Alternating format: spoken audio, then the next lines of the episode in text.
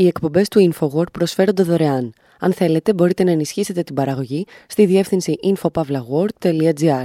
Η διεύθυνση infopavlagor.gr. Η εκπομπή InfoWord με τον Άρη Χατζηστεφάνου.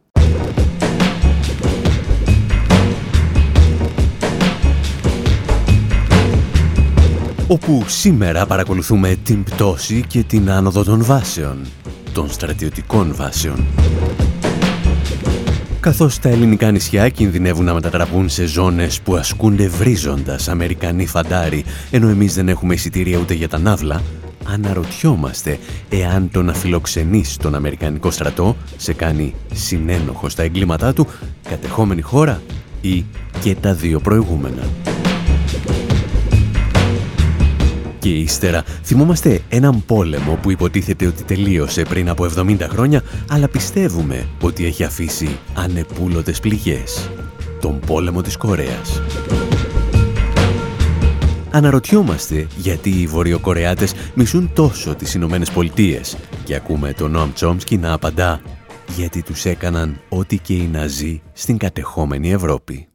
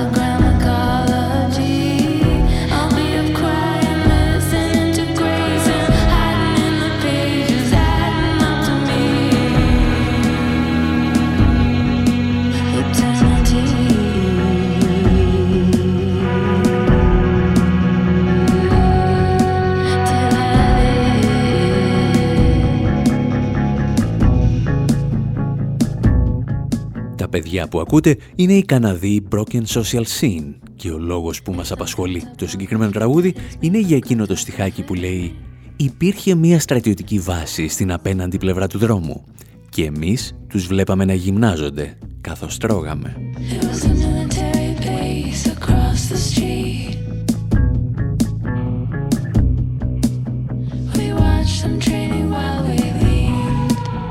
Εάν τώρα τυχαίνει και εσείς να βλέπετε μια ξένη στρατιωτική βάση από το παράθυρό σας, να ξέρετε ότι κατά 95% ανήκει στον Αμερικανικό στρατό.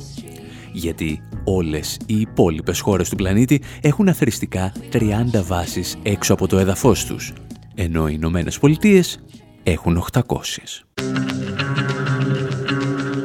Δυστυχώς, οι στρατιωτικές βάσεις σε ξένο έδαφος είναι μια ελληνική επινόηση και πρώτος μίλησε για αυτές ο Θουκυδίδης. Ύστερα βέβαια ήρθαν οι Ρωμαίοι και έτσι όλοι γνωρίσαμε μεταξύ άλλων τα οχυρά στρατόπεδα του Πέτιμπονουμ, του Ακουάριουμ, του Λάβδανουμ και του Μπαμπάουρουμ. Στα πρώτα χρόνια της ευρωπαϊκής απεικιοκρατίας αρχίζουν να στείνονται βάσεις σε ολόκληρο τον πλανήτη η ανθρωπότητα όμως θα πρέπει να περιμένει τους δύο παγκόσμιους πολέμους του 20ου αιώνα για να γνωρίσει το σημερινό νομικό καθεστώς των στρατιωτικών βάσεων. Χαρακτηρίζονται de facto κυρίαρχες, αλλά φυσικά δεν αποτελούν κράτος. Συνήθως μάλιστα βρίσκονται μέσα σε ένα άλλο κράτος που έχει την ψευδέστηση ότι είναι κυρίαρχο.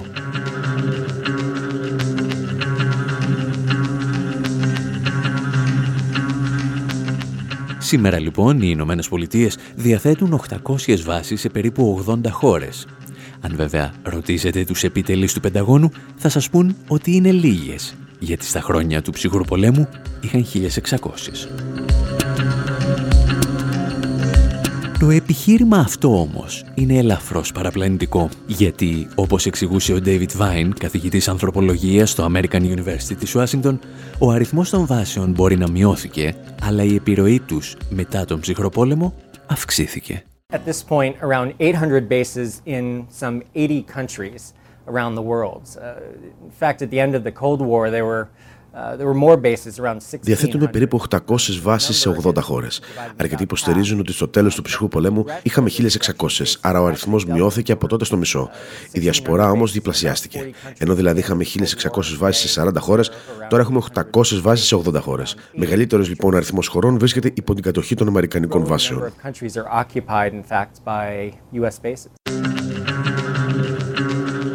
Ο Βάιν δεν είναι ένας τυχαίος πανεπιστημιακός που ασχολείται με τις αμερικανικές βάσεις. Είναι ο απόλυτος κυνηγός των στρατιωτικών εγκαταστάσεων του Πενταγώνου.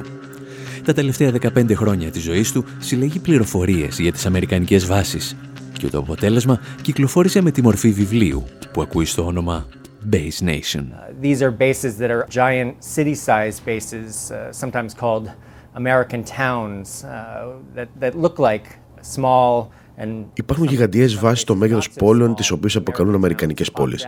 Ξεφυτρώνουν σε ξένες χώρες και φιλοξενούν δεκάδες χιλιάδες στρατιώτες και τα μέλη της οικογένειάς τους. Έχουν φασφουντάδικα, σχολεία, νοσοκομεία και ούτω καθεξής.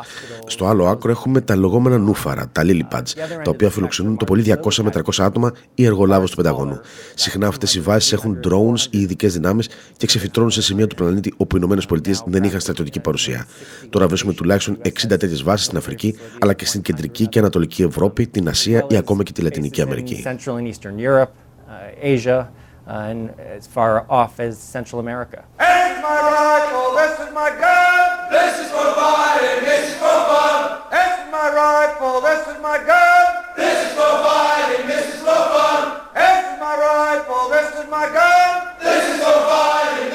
Ο Βάιν δεν έχει προφανώς αυταπάτες για το ρόλο των Αμερικανικών βάσεων.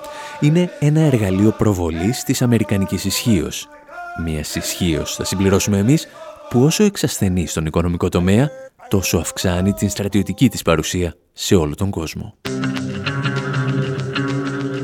Του Βάιν όμως του αρέσει πολύ να ανατρέπει ένα προς ένα τα επιχειρήματα του State Department και του Πενταγώνου για τις αμερικανικές βάσεις, χρησιμοποιώντας μάλιστα δικά τους στοιχεία και δικά τους επιχειρήματα. One of the justification huge collection of bases for decades has been that US bases overseas spread democracy. Μία από τις δικαιολογίες για την τοποθέτηση των βάσεων είναι ότι αυτές βοηθούν στην εξάπλωση της δημοκρατίας. Αυτό ίσως και να έχει κάποιο νόημα μετά το Δεύτερο Παγκόσμιο Πόλεμο, όταν δημιουργήθηκαν βάσεις στη Γερμανία, την Ιταλία και την Ιαπωνία. Σήμερα όμως έχουμε βάσεις σε τουλάχιστον 30 χώρες, οι οποίες έχουν μη δημοκρατικά ή δικτατορικά καθεστώτα. Αυτές οι βάσεις όχι μόνο στερίζουν τα καθεστώτα, αλλά συχνά τα βοηθούν να δημιουργηθούν και μπλοκάρουν την ανάπτυξη δημοκρατικών κινημάτων. Αυτό συμβαίνει παραδείγματος χάρη στον Περσικό κόλπο, όπου υπάρχουν Αμερικανικές βάσεις σε όλες τις χώρες εκτός από το Ιράν και την Ιεμένη. Αν και εκεί επέστρεψε ο Αμερικανικός στρατός.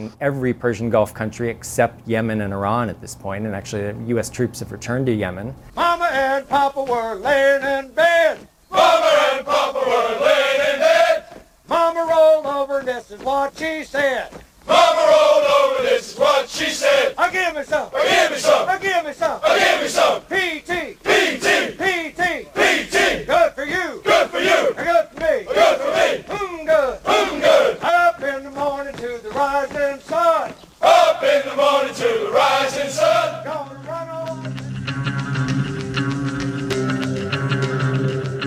David Vine που ακούμε όλη αυτή την ώρα ανήκει σε μια μεγάλη σχολή προοδευτικών πανεπιστημιακών στις Ηνωμένες Πολιτείες. Όταν όμως δίνει τις μάχες του για τις αμερικανικές βάσεις, του αρέσει να μιλά τη γλώσσα του αντιπάλου του. Δεν στέγεται στα ανθρωπιστικά επιχειρήματα μόνο. Οι βάσεις δηλαδή είναι κακές γιατί σχετίζονται με το θάνατο εκατομμυρίων ανθρώπων και ούτω καθεξής. Οι βάσεις, λέει ο David Vine, είναι άχρηστες. Είναι ένα κατάλοιπο του ψυχροπολέμου γιατί σήμερα οι Ηνωμένες Πολιτείες μπορούν να κινητοποιήσουν τις δυνάμεις τους από οποιοδήποτε σημείο του πλανήτη σε διάστημα λίγων ώρων. Εκτός λοιπόν από την προβολή της Αμερικανικής ισχύως, πρέπει να υπάρχει και ένας άλλος λόγος για τον οποίο η Ουάσιντον δεν μειώνει τον αριθμό των βάσεων.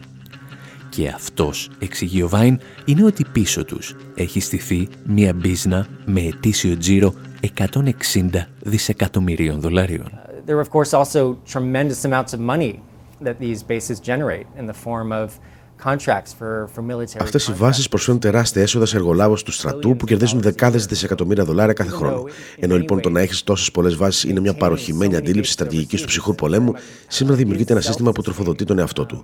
Αποκτά τη δική του ζωή. Ακόμη λοιπόν και όταν οι βάσεις δεν έχουν λόγο ύπαρξης, παραμένουν στη θέση τους.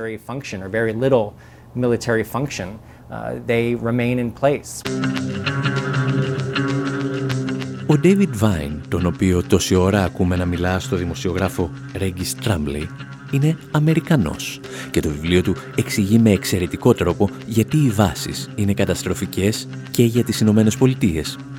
Τι γίνεται όμως αν βρίσκεσαι στην άλλη πλευρά της εξίσωσης, αν είσαι δηλαδή το γεωπολιτικό προτεκτοράτο που καλείται να φιλοξενήσει τις Αμερικανικές βάσεις;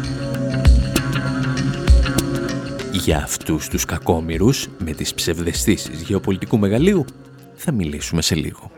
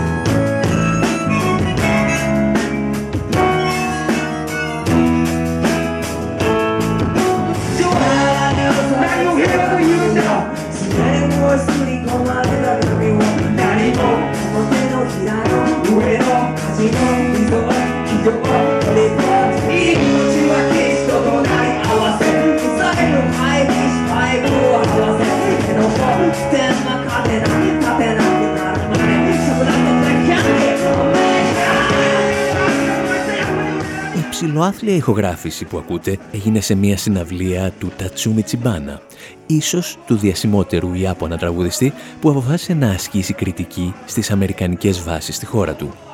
Και στη χώρα του υπάρχουν 112 βάσεις με 40.000 στρατιώτες. Ο Τσιμπάνα έγραψε το συγκεκριμένο τραγούδι όταν ένα στρατιωτικό ελικόπτερο από τη βάση στην Οκινάουα ξέφυγε από την πορεία του και συνετρίβει στο πανεπιστήμιο της πόλης. Μια ιστορία που παρακολουθούσε από παλιά η σειρά ντοκιμαντέρ Journeyman.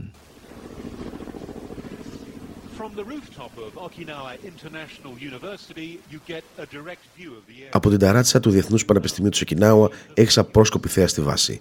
Το 2003, ο Αμερικανός τότε Υπουργό Άμυνας, Ντόναλντ Ράμσελτ, δήλωσε ότι η βάση αυτή αποτελεί ένα ατύχημα εν αναμονή. Ένα χρόνο αργότερα επιβιώθηκε όταν ένα ελικόπτερο συνετρίβει μέσα στο Πανεπιστήμιο. Ήταν θαύμα που δεν σκοτώθηκε κανένας, αλλά καταστράφηκε μια ολόκληρη πτέρυγα. Οι Αμερικανοί απέκρισαν ολόκληρη την περιοχή και δεν επέτρεπαν την είσοδο σε σωστικά συνεργεία.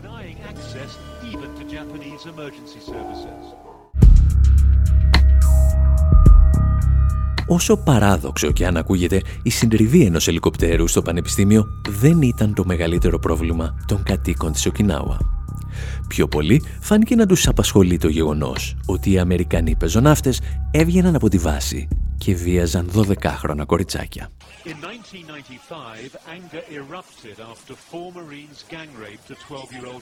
Το 1995 οι κάτοικοι εξοργίστηκαν όταν τέσσερις πεζοναύτες βίασαν ταυτόχρονα ένα 12χρονο κοριτσάκι.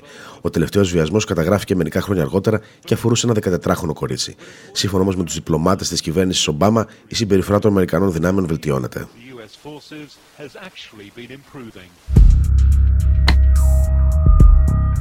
Ο βιασμός κοριτσιών δηλαδή, σύμφωνα με την κυβέρνηση Ομπάμα, ήταν η βελτιωμένη εκδοχή της συμπεριφοράς των Αμερικανών στρατιωτών. Το οποίο είναι απολύτως ορθό ως παρατήρηση. Αν σκεφτεί κανείς ότι στο Βιετνάμ, αφού τα βίαζαν τα κοριτσάκια, τα σκότωναν με μια σφαίρα στο κεφάλι ή τα έκαιγαν ζωντανά με ένα πάλμα. Όταν πάλι οι Αμερικανοί στρατιώτες δεν βιάζουν 12 χρόνια, βγαίνουν μεθυσμένοι με τα αυτοκίνητά τους στις βάσεις της Οκινάουα και σπέρνουν το θάνατο. Τα εξηγούσε στο ντοκιμαντέρ του Τζέρνεϊμαν ο Ιάπωνας δικηγόρος Αϊκή Τόσιο.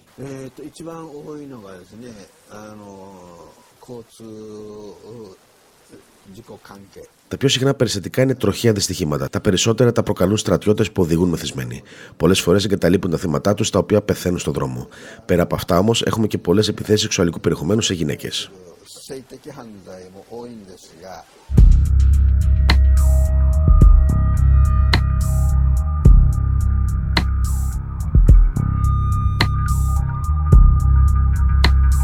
Τα εγκλήματα των Αμερικανών στρατιωτών σε βάσεις σε όλο τον κόσμο είναι φυσικά αποτρόπαια.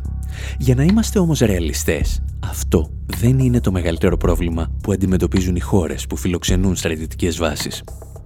Σύμφωνα με τον David Vine, το μεγαλύτερο πρόβλημα είναι ότι οι βάσεις οδηγούν σε γεωπολιτική αστάθεια και κούρσα εξοπλισμών. In my mind, these are incredibly dangerous moves, especially the efforts to Πιστεύω ότι πρόκειται για ιδιαίτερα επικίνδυνες κινήσεις, ειδικά η αύξηση του αριθμού των βάσεων γύρω από την Κίνα και τη Ρωσία.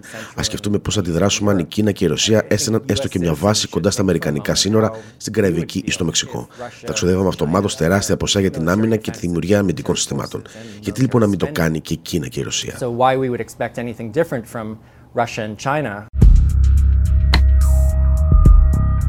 Οι βάσεις λοιπόν, σύμφωνα με τον David Vine, τον οποίο ακούσαμε να μιλά στον δημοσιογράφο Regis Tremblay, οδηγούν σε κούρσα εξοπλισμών και ένταση στις σχέσεις των χωρών που τις φιλοξενούν με τους γείτονές τους. Υπάρχει όμως και ένα ακόμη μικρό προβληματάκι.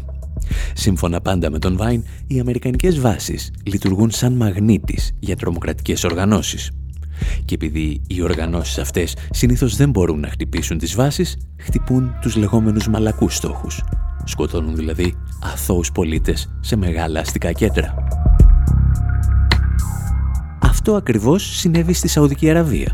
Η τοποθέτηση αμερικανικών βάσεων κοντά σε μουσουλμανικούς τόπους λατρείας επέτρεψε στην Αλκάιντα και τον Οσάμα Μπιν Λάντεν να στρατολογήσει εκατοντάδες οργισμένους κατοίκους. Και η συνέχεια είναι γνωστή. Οι βάσεις λοιπόν είναι του θανάτου. Και για αυτό τον θάνατο που έρχεται συνήθως με μαθηματική ακρίβεια, την ευθύνη δεν έχει μόνο η Ουάσιγκτον, αλλά και οι ηγέτες των προτεκτοράτων που τις φιλοξενούν. Εσείς πάλι μένετε εδώ, αν θέλετε. Στο μεταξύ, να μην ξεχνάτε πως ιστορίες σαν κι αυτές μαζεύουμε καθημερινά στη σελίδα μας info.pavlawar.com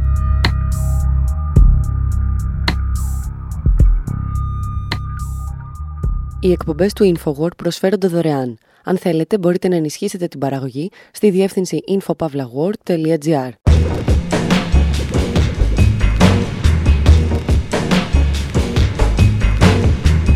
Εκπομπής InfoWord, μέρος δεύτερο όπου σήμερα αναρωτιόμαστε εάν είναι σωστό να χρησιμοποιείς πυρηνικά όπλα για να σκοτώνεις κομμουνιστές. Παρατηρούμε έναν πίνακα του Πικάσο για την Κορέα και αναρωτιόμαστε τι θα ζωγράφιζε σήμερα, 70 χρόνια από το τέλος του πολέμου της Κορέας. Υποψιαζόμαστε ότι δεν μπορείς να καταλάβεις τον ψυχισμό ενός λαού εάν δεν γνωρίζεις τα εγκλήματα πολέμου που πραγματοποιήθηκαν σε βάρος του.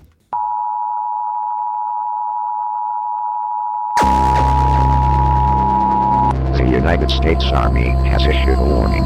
Three nuclear bombs have been launched from North Korea and will hit Orlando, Florida, Las Vegas, Nevada, and New York City, New York. This will expire at 5 o'clock a.m. Eastern Standard Time.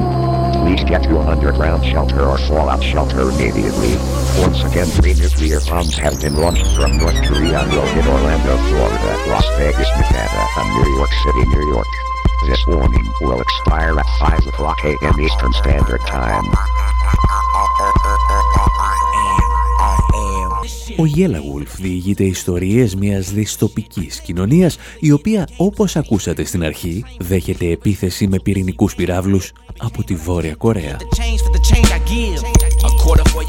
Για άλλη μια φορά δηλαδή αναπαράγεται το μοντέλο του σχιζοφρενή δικτάτορα ο οποίος είναι έτοιμος να πατήσει το κόκκινο κουμπί της εκτόξευσης διυπηρωτικών πυράβλων εναντίον των Ηνωμένων Πολιτειών.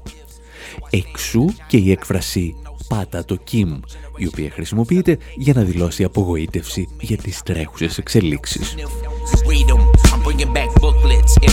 Το πρόβλημα είναι ότι τα μέσα ενημέρωσης σε όλο τον κόσμο είναι έτοιμα να δεχθούν οποιαδήποτε προπαγανδιστική ηλικιότητα κυκλοφορήσει εναντίον της Βόρειας Κορέας.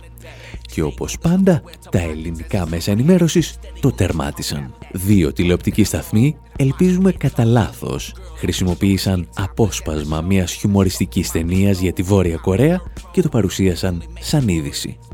Εδώ ο Νίκος Ευαγγελάτος. Σε κάτι που θα μας το περιγράψει Δήμητρα Μανιαβού, το οποίο προκαλεί ανατριχίλα. Νίκο. Ναι. Ε, είναι ένα βίντεο λοιπόν το οποίο έχει κυκλοφορήσει ε, με πρωταγωνιστή ένα μικρό παιδί από το καθεστώς της ε, Βόρειας Κορέας ε, στο οποίο στην ουσία είναι πολύ χαρακτηριστικό του μίσους που τρέφει το καθεστώς του Κιμ Jong-un προς τις Ηνωμένες Πολιτείες. Του που καλλιεργεί. Ακριβώς. Ε, να το παρακολουθήσουμε. Είναι ένα κοριτσάκι, ναι. θέλω απλώς να κάνω ένα σχόλιο, είναι ένα ναι. κοριτσάκι. Είναι μια πολύ ωραία μια αθώα γλυκιά φατσούλα, η οποία με όλο αυτό τον τρόπο της απλότητας και της αθωότητας απαγγέλει λόγια μίσους, τα οποία είναι φοβερά για να τα βάζεις σε ένα παιδί. Και και να το χειροκροτήσει που τα λέει. Ε, συγκλονίζουν και προκαλούν σοκ. Να το δούμε.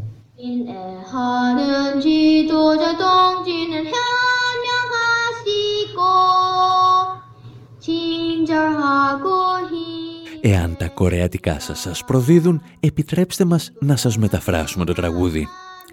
Ο αγαπημένος μας ηγέτης είναι σοφός, λέει το κοριτσάκι. Είναι ευγενικός, καλός και δυνατός. Μακάρι οι Ηνωμένες Πολιτείες να εκραγούν σε μια μπάλα πύρινης κόλασης.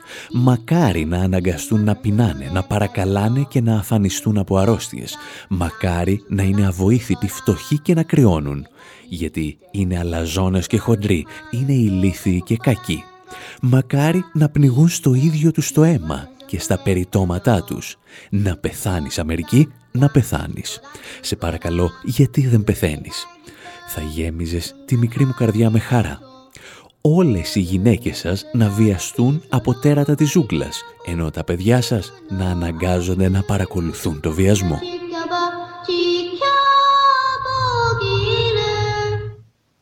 Τόσο μίσος πραγματικά. Τα μέσα ενημέρωσης λοιπόν θα πούν τα πάντα για την Βόρεια Κορέα, παρουσιάζοντας το σύνολο των πολιτών σαν θύματα πλήσης εγκεφάλου που μισούν τους πάντες και λατρεύουν μόνο τον ηγέτη τους. Η αλήθεια βέβαια είναι ότι οι πολίτες της Βόρειας Κορέας μισούν από τα βάθη της ψυχής τους τις Ηνωμένες Πολιτείες. Και όπως θέλουμε να αποδείξουμε στη συνέχεια, έχουν κάθε λόγο να το κάνουν.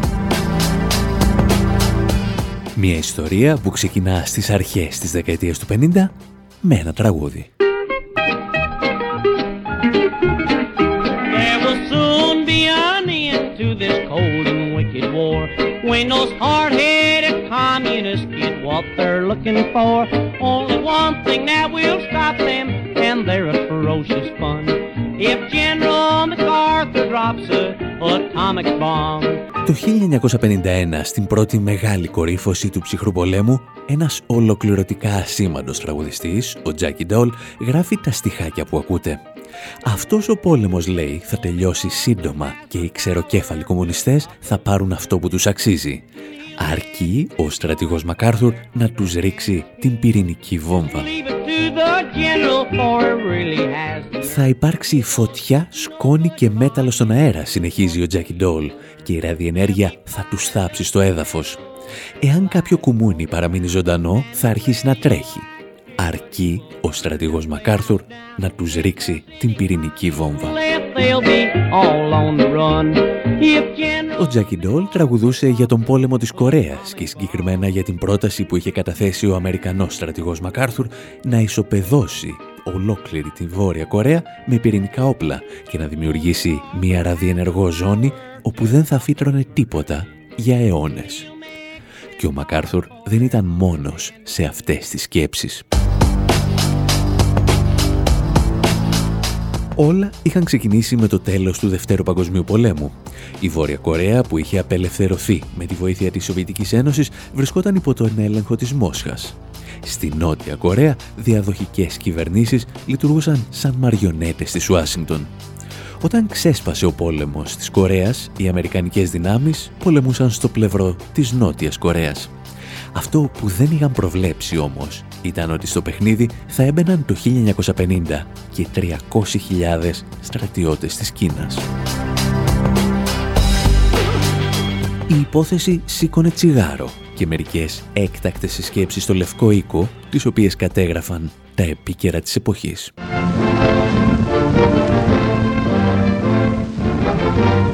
At the White House in Washington, top defense officials of the nation gathered to discuss the gravest... Στο Λευκό Οίκο, στην Ουάσιγκτον, ανώτατοι στρατιωτικοί αξιωματούχοι συγκεντρώθηκαν για να συζητήσουν τη μεγαλύτερη διεθνή κρίση μετά το Pearl Harbor. Η υποκριτική εισβολή της κομμουνιστικής Κίνας στην Κορέα προκαλεί αναταραχή. Η είσοδος 300.000 κόκκινων Κινέζων δημιουργεί τις συνθήκες ενός τρίτου παγκοσμίου πολέμου. Ο πρόεδρος Τρούμαν καταδικάζει τον κόκκινο υπερεαλισμό. President Truman voices his accusation of red imperialism. Ο πρόεδρος Τρούμαν, εκτός από το να καταδικάζει τον υπεριαλισμό, λέγεται ότι είχε υπογράψει και την απόφαση για τη χρήση πυρηνικών όπλων, την οποία όμως ποτέ δεν παρέδωσε στους επιτελείς του Πενταγώνου. Ο Λευκός Οίκος είχε αποφασίσει να μην μετατρέψει τον πόλεμο σε πυρηνικό. Και αν προσέξετε, τα επίκαιρα που ακολουθούσαν μερικές εβδομάδες αργότερα, απηχούσαν αυτήν ακριβώς την άποψη.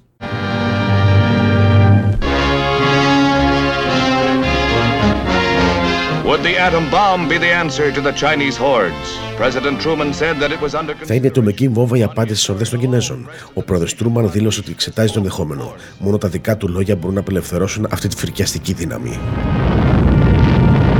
The world shuddered at the thought ο πλανήτης τρομοκρατήθηκε με την ιδέα καθώς αυτό το καταστροφικό όπλο σπαίνει το φόβο στο μυαλό των ανθρώπων. Το πυρηνικό μανιτάρι έγινε το σύμβολο της σύγχρονης καταστροφής. Το έτος 1950 αυτή η δύναμη βρίσκεται στα χέρια του ανθρώπου για να σπείρει το θάνατο. Η σόδια της δυστυχίας θα είναι ατελείωτη καθώς κανένας δεν θα γλιτώσει. σω έτσι δημιουργηθεί ένας κόσμος στον οποίο ο άνθρωπος θα προσπαθεί να γλιτώσει διαρκώς από την καταστροφή. Ένας κόσμος στον οποίο κανένας δεν θα ξαναβρει την ειρήνη και την ασφάλεια.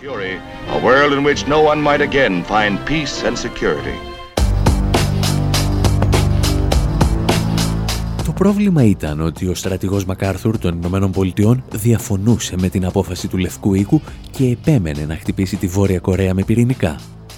Αρκετοί ιστορικοί υποστηρίζουν σήμερα ότι εκείνες τις ημέρες η Αμερική βρέθηκε κοντά στην εκδήλωση ενός πραξικοπήματος, με το οποίο ο Μακάρθουρ θα έπαιρνε τον έλεγχο από τον πρόεδρο Τρόμαν. Η πολιτική ηγεσία στην Ουάσιγκτον όμως πρόλαβε και απάντησε δυναμικά διαστόματος του ίδιου του Προέδρου. Στις 11 Απριλίου του 1951 ο στρατηγός πάυθηκε από τα καθήκοντά του. It was with the deepest personal regret that I found myself με μεγάλη προσωπική απογοήτευση αναγκάστηκα να λάβω αυτή την απόφαση. Ο στρατηγός Μακάρθουρ είναι ένας από τους μεγαλύτερους στρατιωτικούς διοικητές μας. Αλλά ο στόχος της παγκόσμιας ειρήνης είναι πολύ σημαντικότερος από κάθε άτομο.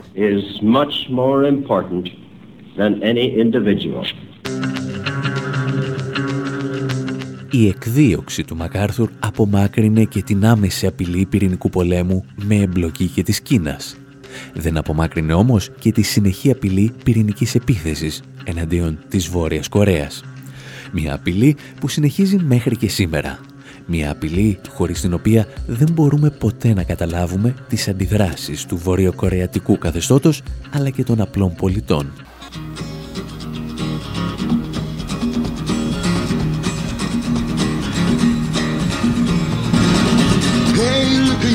tell me what's that you see Marching to the fields of Concord.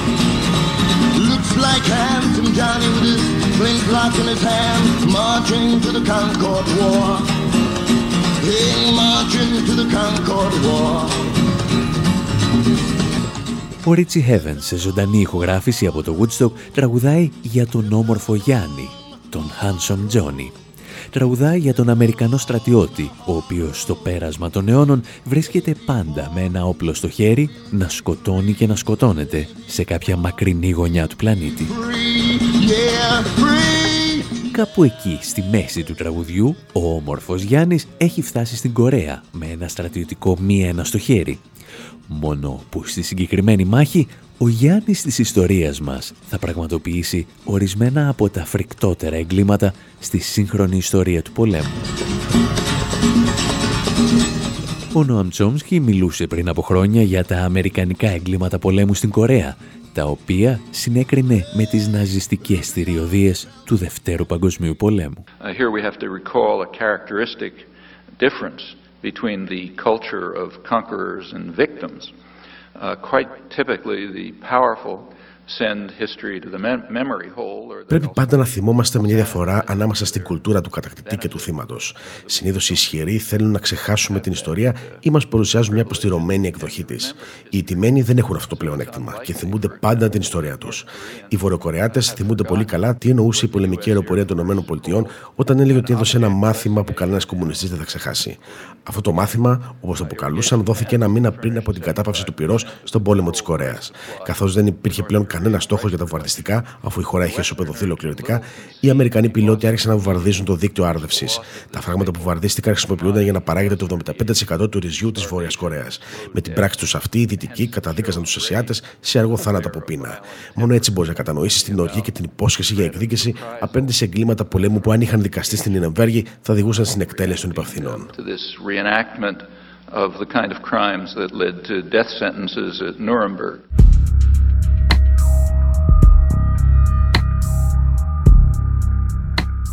Ο Τσόμσκι μας εξηγεί εδώ κάτι πάρα πολύ απλό. Πως Γερμανοί αξιωματικοί που πραγματοποίησαν ανάλογα εγκλήματα με αυτά που πραγματοποίησε η Αμερική στη Βόρεια Κορέα δικάστηκαν, καταδικάστηκαν και εκτελέστηκαν στην Ιραμβέργη.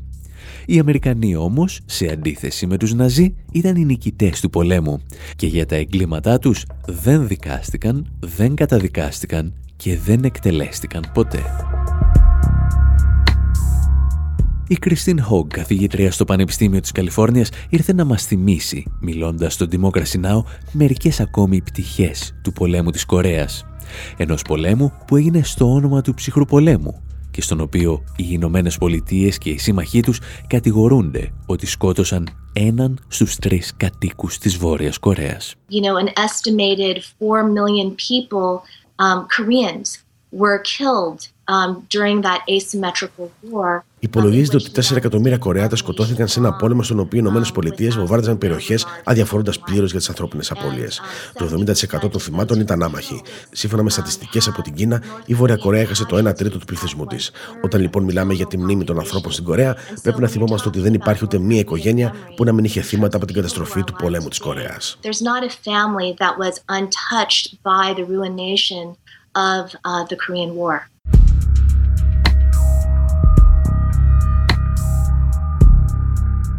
Η φρίκη των Αμερικανικών εγκλημάτων στην Κορέα δεν πέρασε απαρατήρητη και από τον Παμπλο Πικάσο, ο οποίος ζωγράφισε για τους βορειοκορεάτες κομμουνιστές ένα έργο με τίτλο «Σφαγή στην Κορέα».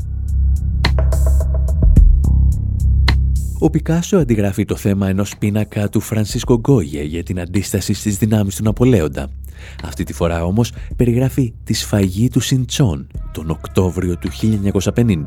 Νοτιοκορεατικές δυνάμεις με την υποστήριξη των ΗΠΑ προχωρούν τότε σε ομαδικές σφαγές που σύμφωνα με πληροφορίες φτάνουν τους 35.000 ανθρώπους. Η Βόρεια Κορέα δεν μπορεί λοιπόν να ξεχάσει τα τρομακτικά εγκλήματα για τα οποία κανένας δεν θέλησε ποτέ να απολογηθεί. Το πρόβλημα είναι ότι αυτή η οργή μετατρέπεται σε εργαλείο του καθεστώτος για να ελέγχει τον πληθυσμό, αλλά και σε εργαλείο των Ηνωμένων Πολιτειών για να ελέγχουν την Κίνα. Μερικές ακόμη σκέψεις επί του θέματος εντός ολίγου. Nuclear war, yeah. Nuclear war, yeah. Talking about, yeah. Nuclear war, yeah. Nuclear war, στην εκπομπή Infowar με τον Άρη Χατζηστεφάνου συζητάμε για το δίκαιο μίσος των Βόρειο-Κορεατών απέναντι στις Ηνωμένες Πολιτείες. Κάπου εδώ όμως θα πρέπει να αναρωτηθούμε γιατί η Βόρεια Κορέα αποφάσισε να αποκτήσει πυρηνικό οπλοστάσιο. Ο Bruce Cummings, καθηγητής ιστορίας στο Πανεπιστήμιο του Σικάγο, εξηγούσε μιλώντας και αυτό στο Democracy Now! ότι θα πρέπει να πιάσουμε και πάλι την ιστορία από τη δεκαετία του 50. Uh, American nuclear intimidation of North Korea uh, goes back to the Korean War. Ο πυρηνικός εκφοβισμός της Βόρειας Κορέας από τις ΗΠΑ ξεκινά από τον πόλεμο της Κορέας. Μετά τον πόλεμο, τοποθετήσαμε εκατοντάδες πυρηνικά όπλα στη Νότια Κορέα. Έτσι βρέθηκαν τα πρώτα πυρηνικά στην Κορεατική Χερσόνησο. Από τα μέσα της δεκαετίας του 50, λοιπόν, η Βόρεια Κορέα έπρεπε να βρει τρόπους να αποτρέψει τις ΗΠΑ από το να χρησιμοποιήσουν αυτά τα όπλα. Για δεκαετίες έχτιζαν υπόγειες εγκαταστάσεις. Έχουν τουλάχιστον 15.000 υπόγειες εγκαταστάσεις για λόγους εθνικής ασφάλειας. Ήταν όμως αναπόφευκτο ότι θα αντιδρούσαν αν απειλούνταν με πυρηνικά όπλα. Μην ξεχνάτε ότι και ο πρόεδρος Ομπάμα απείλησε πολλές φορές στη Βόρεια Κορέα, στέλνοντας βορειοδυτικά Β2 στη Νότια Κορέα, τα οποία πραγματοποιούσαν εικονικές ρήψεις πυρηνικών όπλων. Ήταν αναπόφευκτο ότι η Βόρεια Κορέα θα αναζητούσε μέσα αποτροπής της επίθεσης.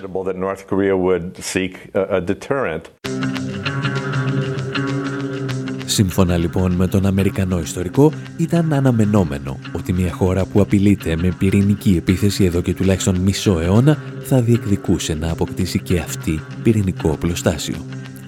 Το ερώτημα είναι, αποτελούν οι ένοπλες δυνάμεις της Κορέας πραγματική απειλή για την ασφάλεια των Ηνωμένων Πολιτειών;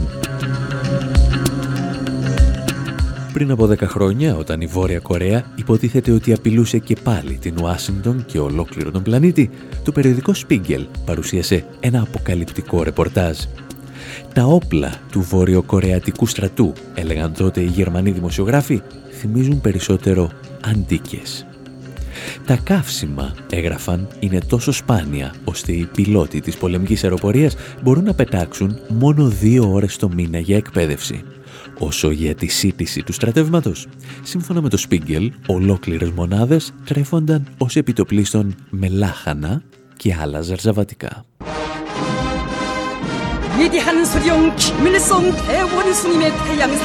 Πίσω λοιπόν από τις εντυπωσιακές παρελάσεις και τις εκφωνήσεις για τα ένδοξα νιάτα και τα τιμημένα γυρατιά της πατρίδας τους κρύβεται η απόλυτη παρακμή.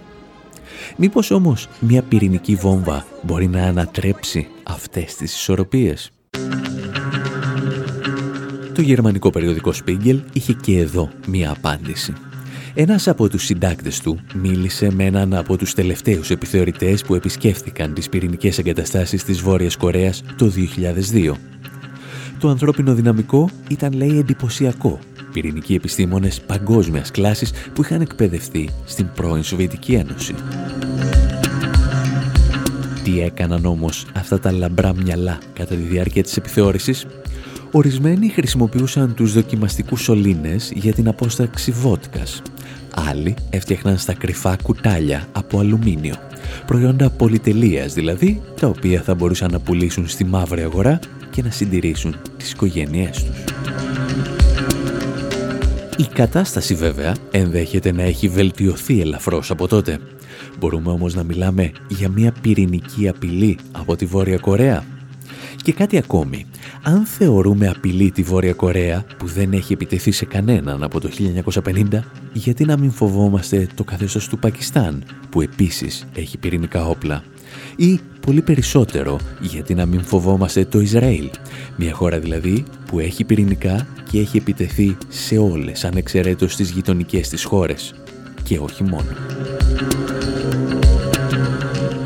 Εμείς πάντως κάπου εδώ λέμε να σας αφήσουμε να λύσετε μόνοι σας τα προβλήματα του πυρηνικού αφοπλισμού. Μέχρι την επόμενη εβδομάδα λοιπόν, από τον Άρη Χατζηστεφάνου στο μικρόφωνο και τον Δημήτρη Σταθόπουλο στην τεχνική επιμέλεια, γεια σας και χαρά σας.